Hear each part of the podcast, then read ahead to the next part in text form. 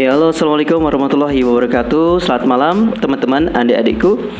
Uh, di Red Angels Online malam ini kita akan membahas tentang uh, ground training, apa saja yang dilakukan pada saat ground training, uh, konsep trainingnya seperti apa saja, dan bagaimana kalau kita tidak maksimal dalam menjalankannya. Ya, ini ini salah satu uh, artikel yang mungkin akan sangat-sangat uh, betul-betul menjadi uh, sesuatu yang harus betul-betul pahami dengan baik ya supaya uh, lebih siap lagi ke depannya. Saya selalu menyampaikan kepada semua adik-adik, ke semua para angels bahwa sebetulnya perjuangan untuk bisa menjadi seorang pramugari itu adalah melalui tahap-tahap yang sangat panjang. Tidak seperti orang yang bekerja di kantoran pada umumnya. Hari ini interview, diterima ker, diterima apa? E, kerja, lolos interview, besok langsung kerja. Tidak ya di pramugari butuh tahapan tes-tes panjang yang harus dilewati satu persatu. Salah satunya yang pertama adalah harus lolos tes dan seleksi kan? Kemarin sudah kita bahas tes seleksinya ada tes performance ada tes interview ada tes psikotes ada tes bahasa Inggris ada tes kesehatan ya ini kalau sudah lolos barulah kita masuk ke area ground training ground training ini adalah semacam training yang diberikan langsung oleh maskapai penerbangan jadi yang mentraining kita itu maskapai penerbangan bukan sekolah pramugari ya sekolah pramugari itu jauh-jauh sebelum ini gitu loh jadi sekolah pramugari dulu, baru ikut tes seleksi, kalau lolos baru ground training. Jadi ground training ini yang memberikan adalah maskapai. Nah, di ground training ini kita akan belajar banyak tentang semua ilmu kepramugarian secara lengkap. Saya ulang. Di ground training ini kita akan belajar semua ilmu kepramugarian secara lengkap. Jadi eh, di di training inilah kita akan membahas secara detail pramugari itu harus ngapain aja kerjanya, yang harus dipelajari apa saja, yang harus dikerjakan apa saja. E, nanti duties and check, duties in checknya itu adalah semacam kayak menit per menit, uh, waktu per waktu tuh yang kita lakukan kalau di pesawat ngapain saja. Ini adalah bagian dari seluk-beluk pekerjaan pramugari. Dari mulai tugasnya apa, tanggung jawabnya apa, rutinnya apa, apa yang harus diketahui, apa yang harus dipelajari, apa harus uh, apa yang harus dimampui, itu semua dibahas di ground training ini. Jadi kita akan belajar sebenar-benarnya ilmu pramugari, ya. Jadi kan sering ada pertanyaan begini nih Coach, jadi kalau seandainya saya mau jadi pramugari, apakah saya perlu sekolah pramugari ya? Sebenarnya nggak perlu sekolah pramugari karena nanti di ground training ini kamu yang akan diajarkan secara langsung eh, apa saja uh, intisari dari sebuah sekolah pramugari itu tadi gitu loh. Jadi walaupun kamu belum pernah sekolah pramugari nggak masalah nggak apa-apa karena di ground training ini akan dipelajari gitu loh. Makanya pada saat tes dan seleksi yang paling sering ditanyakan, yang paling sering jadikan patokan adalah bukan tentang ilmu kepramugariannya, tapi lebih ke arah ke performanya bagaimana, uh, mentalnya, kepribadiannya, interview skillnya bagaimana, bahasa Inggris skillnya bagaimana lah. Lebih ke arah ke situ. Semua mas maskapai seperti itu. Jadi kamu nggak mungkin ditanya macam-macam tentang detail pramugari itu harus ngapain aja nggak mungkin. Karena bukan masanya, belum waktunya. Sebenar-benarnya waktu untuk belajar pramugari sebenarnya adalah ketika nanti kamu masuk ke masa ground training ini. Nah, di ground training ini tentu saja ada rentetan, ada belasan, bahkan mungkin puluhan materi-materi baru yang akan kamu pelajari dengan sangat-sangat seksama dan dalam tempo yang sesingkat-singkatnya. Itu kurang lebih tidak lebih dari antara e, tiga bulanan ya. Jadi e, jedanya itu mungkin sekitar tiga bulanan. Bisa lebih cepat, bisa juga lebih lama, tergantung jadwal e, para instruktur-instrukturnya. Nah, materinya itu macam-macam nanti saya kasih di kesempatan berikutnya. Intinya ada dua kategori materi. Ada materi yang berhubungan dengan service, ada materi yang berhubungan dengan safety. Sama sesuai dengan pekerjaan pramugari kan. Ada yang berhubungan dengan service dan ada yang berhubungan dengan safety. Ini dinamakan dengan istilah mandatory dan non mandatory materi mandatori itulah materi yang berhubungan dengan safety-nya itu tadi. Materi penting yang mau nggak mau kamu harus belajar. Kalau sampai kamu e, tidak mengikuti materi mandatori ini maka kamu akan ngulang. Nggak boleh. Jadi wajib. Misalkan hari ini adalah materi mandatori e, salah satunya misalkan materi A. Terus tiba-tiba kamu sakit. Tiba-tiba kamu nggak enak badan. Nggak boleh kamu harus hadir. Kalau kamu sampai nggak hadir mengikuti materi ini, maka kamu akan ngulang. Kamu akan diikutkan untuk di kelas-kelas berikutnya. Sehingga yang harusnya waktu kamu tiga bulan selesai, mungkin kamu bisa lima bulan, enam bulan, bahkan bisa lama karena nggak selesai-selesai hanya gara-gara materi mandatorinya tidak kamu ikuti.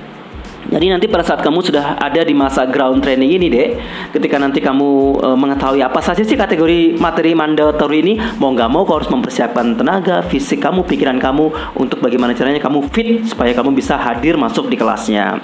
Itu materi mandatory ya.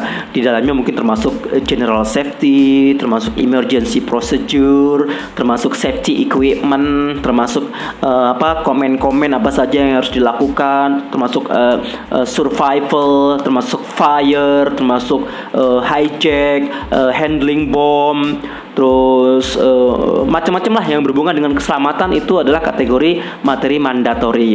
Nah, yang kedua adalah materi non mandatori atau materi service. Ini berhubungan dengan bagaimana cara kamu announcement, bagaimana cara kamu memberikan makan minum, bagaimana cara kamu melayani penumpang supaya nggak komplain. Nah, ini kalau ini sih lebih fleksibel. Jadi sekiranya mungkin kamu nggak bisa hadir pun uh, dalam waktu singkat mungkin bisa dijadwalkan kelas ulang kembali. Tapi biasanya ya sudah-sudah ya tetap juga selama kita uh, siap untuk belajar ya kita harus belajar itu jangan sampai diabaikan.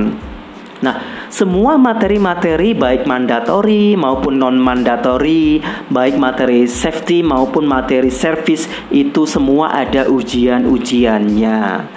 Jadi bayangkan kalau seandainya pada saat ujian kita tidak berhasil dampaknya adalah ya akan mendapatkan sanksi-sanksi. Nah, sanksinya apa saja coach kalau seandainya pada saat ground training ini pada saat ujian kita tidak bisa mendapatkan hasil yang uh, disesuaikan uh, hasil yang ditetapkan e, minimal lulusnya itu oleh perusahaan. Jadi kalau perusahaan-perusahaan maskapai penerbangan deh itu minimal itu 80 nilainya. Jadi once kamu menghadapi sebuah tes baik itu tes safety atau tes service, minimum nilai skor yang harus kamu dapatkan itu adalah 80. Jadi kalau kamu lebih dari 80, misalkan nilai kamu dapat 79, 78 aja, kamu pasti gagal. Dan kamu harus diminta ngulang lagi. Uh, contoh bahasanya mungkin gini ya. Kalau misalkan soal ada 20 lah mungkin ya. Itu mungkin maksimum kamu boleh salah 6. Kalau kamu salah 7 ya berarti kamu akan ngulang. Hitung-hitungan kasarnya seperti itu ya. Jadi minim harus nilai 80. Nah, Bagaimana kalau seandainya tes pertama ujian nilai saya tidak 80 coach, nilai saya mungkin cuma 78, ya kamu akan dikasih kesempatan untuk mengulang. Nah, ketika mengulang ini kamu mendapatkan nilai yang jelek lagi, berarti kamu akan dikasih kesempatan untuk training lagi. Training lagi itu mungkin bisa dua hari, bisa sehari, bisa tiga hari. Kamu di sekolahin lagi nih, kamu bedah buku lagi.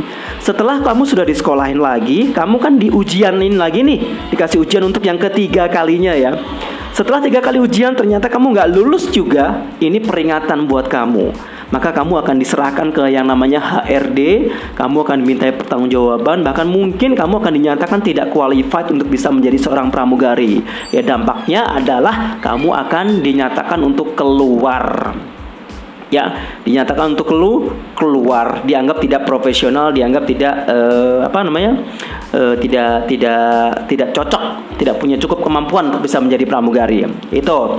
Nah kedua kalau seandainya kamu melakukan hal-hal yang sekiranya uh, tidak disiplin, melanggar tata tertib, melanggar aturan, misalkan uh, jarang masuk, uh, sering sakit, uh, attitude-nya bermasalah, ya lagi-lagi kalau misalkan seandainya itu betul-betul dianggap hal yang merugikan perusahaan, ya lagi-lagi kamu akan dikembalikan ke ke HRD dan dianggap kamu tidak layak untuk menjadi pramugari di maskapainya mereka. Otomatis kamu akan diberhentikan saat itu juga pada saat ground training, entah itu ya hal yang berhubungan dengan kriminal, hal yang berhubungan dengan uh, apa uh, melanggar tata tertib perusahaan, banyak macam-macam aturannya.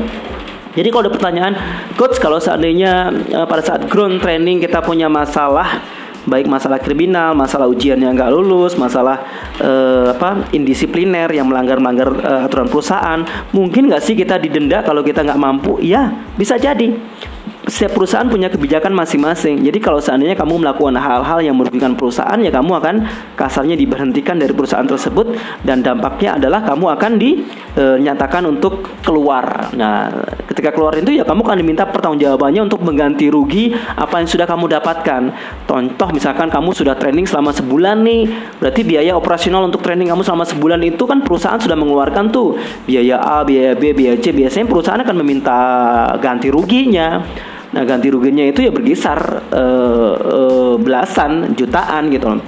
Tergantung uh, apa yang sudah dikeluarkan oleh perusahaan.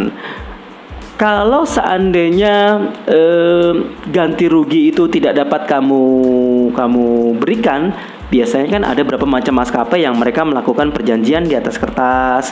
Ada ada namanya apa eh, ijazah yang mungkin ditahan atau dokumen-dokumen apa yang mungkin ditahan sebagai perjanji perjanjian eh, kontrak. Jadi kalau seandainya kamu nggak mau bayar ya nggak bisa bayar ya mungkin ijazah kamu akan ditahan terus-terusan. Nah, itu hanya satu atau dua perusahaan ya, tidak semua maskapai seperti itu. Uh, tapi intinya, Dek, uh, kita akan menjadi orang yang bermasalah itu sebenarnya adalah bukan karena kita tidak mampu.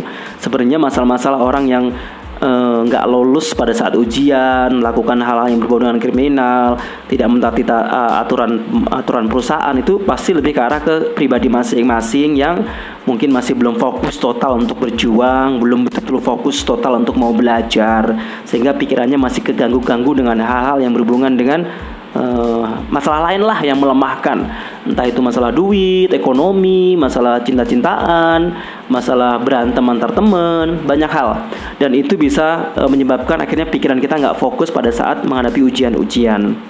Jadi sebenarnya e, kalau kita betul-betul sungguh-sungguh mau berjuang sih yang sudah-sudah banyak lolos dengan sendirinya. Jadi kamu nggak perlu khawatir bahwa kamu nggak akan lolos ujian. Banyak orang jadi pramugari kok. Mereka juga makan nasi, mereka juga makan tempe, makan tahu. Secara otak harusnya sama. Cuman bedanya adalah kamu betul-betul sungguh-sungguh mau belajar atau tidak. Itu aja e, permasalahannya. Nah, lagi-lagi ternyata setelah semua sudah training dijalani dengan lancar coach Nah, tiba-tiba di saat akhir-akhir saya tetap nggak lolos nih.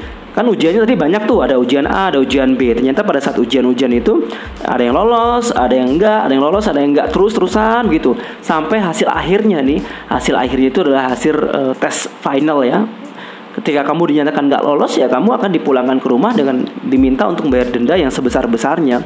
Denda-dendanya itu bervariasi ya, mungkin ada yang 20 juta, ada yang 30 juta. Ngeri kali kan? Kita mau kerja niat kita nyari duit, malah kita malah bayar denda hanya gara-gara kelakuan kita. Nah, jadi lagi-lagi ini sebenarnya bukan profesi yang untuk gaya-gayaan, bukan profesi yang untuk main-main bukan profesi yang untuk gengsi-gengsian gitu loh. Ini profesi yang butuh penuh tanggung jawab.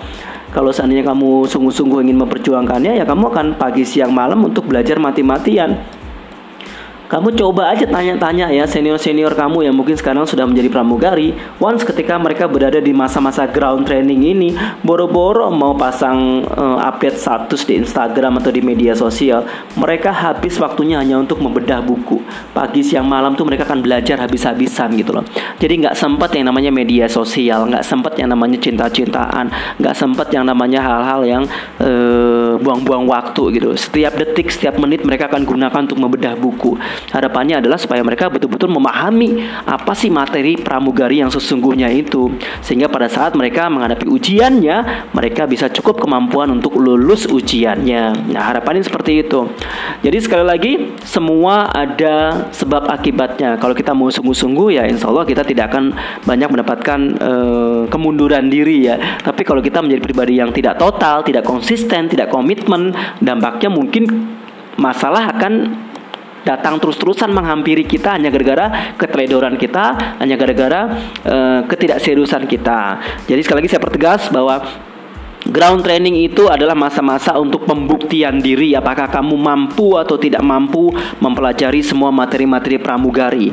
Kalau kamu mampu menghadapi tes-tesnya berarti kamu akan dinyatakan lolos dan kamu mungkin sah menjadi pramugari. Tapi kalau kamu nggak mampu, entah nggak mampunya karena otak atau karena uh, apa fisik yang sering sakit-sakitan atau mungkin karena masalah-masalah yang uh, tidak bisa kamu uh, apa selesaikan yang berdampak pada uh, ketidakkonsisten kamu dalam belajar ya kamu akan dikembalikan ke rumah orang tuamu plus kamu akan diminta denda untuk membayar biaya training yang sudah kamu jalani uh, selama kamu training ya. Jadi ini yang sama-sama harus dipahami bahwa kalau kita uh, berhasil ya karena kita sungguh-sungguh mau berjuang, kalau kita gagal ya kembali lagi ke diri kita masing-masing.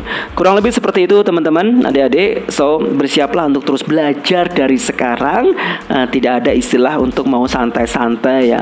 Yang belum jago-jago bahasa Inggris belajar bahasa Inggris dari sekarang karena nanti modal utamanya pada saat belajar ground training itu adalah bahasa Inggris. Semua buku-buku manualnya menggunakan bahasa Inggris.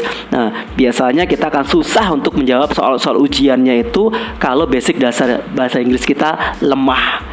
Nah, itu itu yang menjadi salah satu penyebab utama. Tapi kalau bahasa bahasa Inggris kita cukup kuat, cukup mampu, ya kita akan mudah mengerti soalnya dengan dengan betul. Jangankan bahasa Inggris, coach, dalam bahasa Indonesia aja mungkin kita masih mumet apa maksud dan tujuan pertanyaannya. Apalagi kan ini materi-materi baru gitu. Materi-materi yang berbau dengan pesawat, berbau dengan keselamatan Bahasa Inggris saja mungkin susah apalagi bahasa Inggris. Nah, oleh sebab itu, persiapkan skill bahasa Inggris kalian dengan baik dari sekarang supaya pada saat menghadapi ground training kalian cukup mampu untuk menjawab soal-soal ujiannya. Terima kasih, sampai ketemu lagi.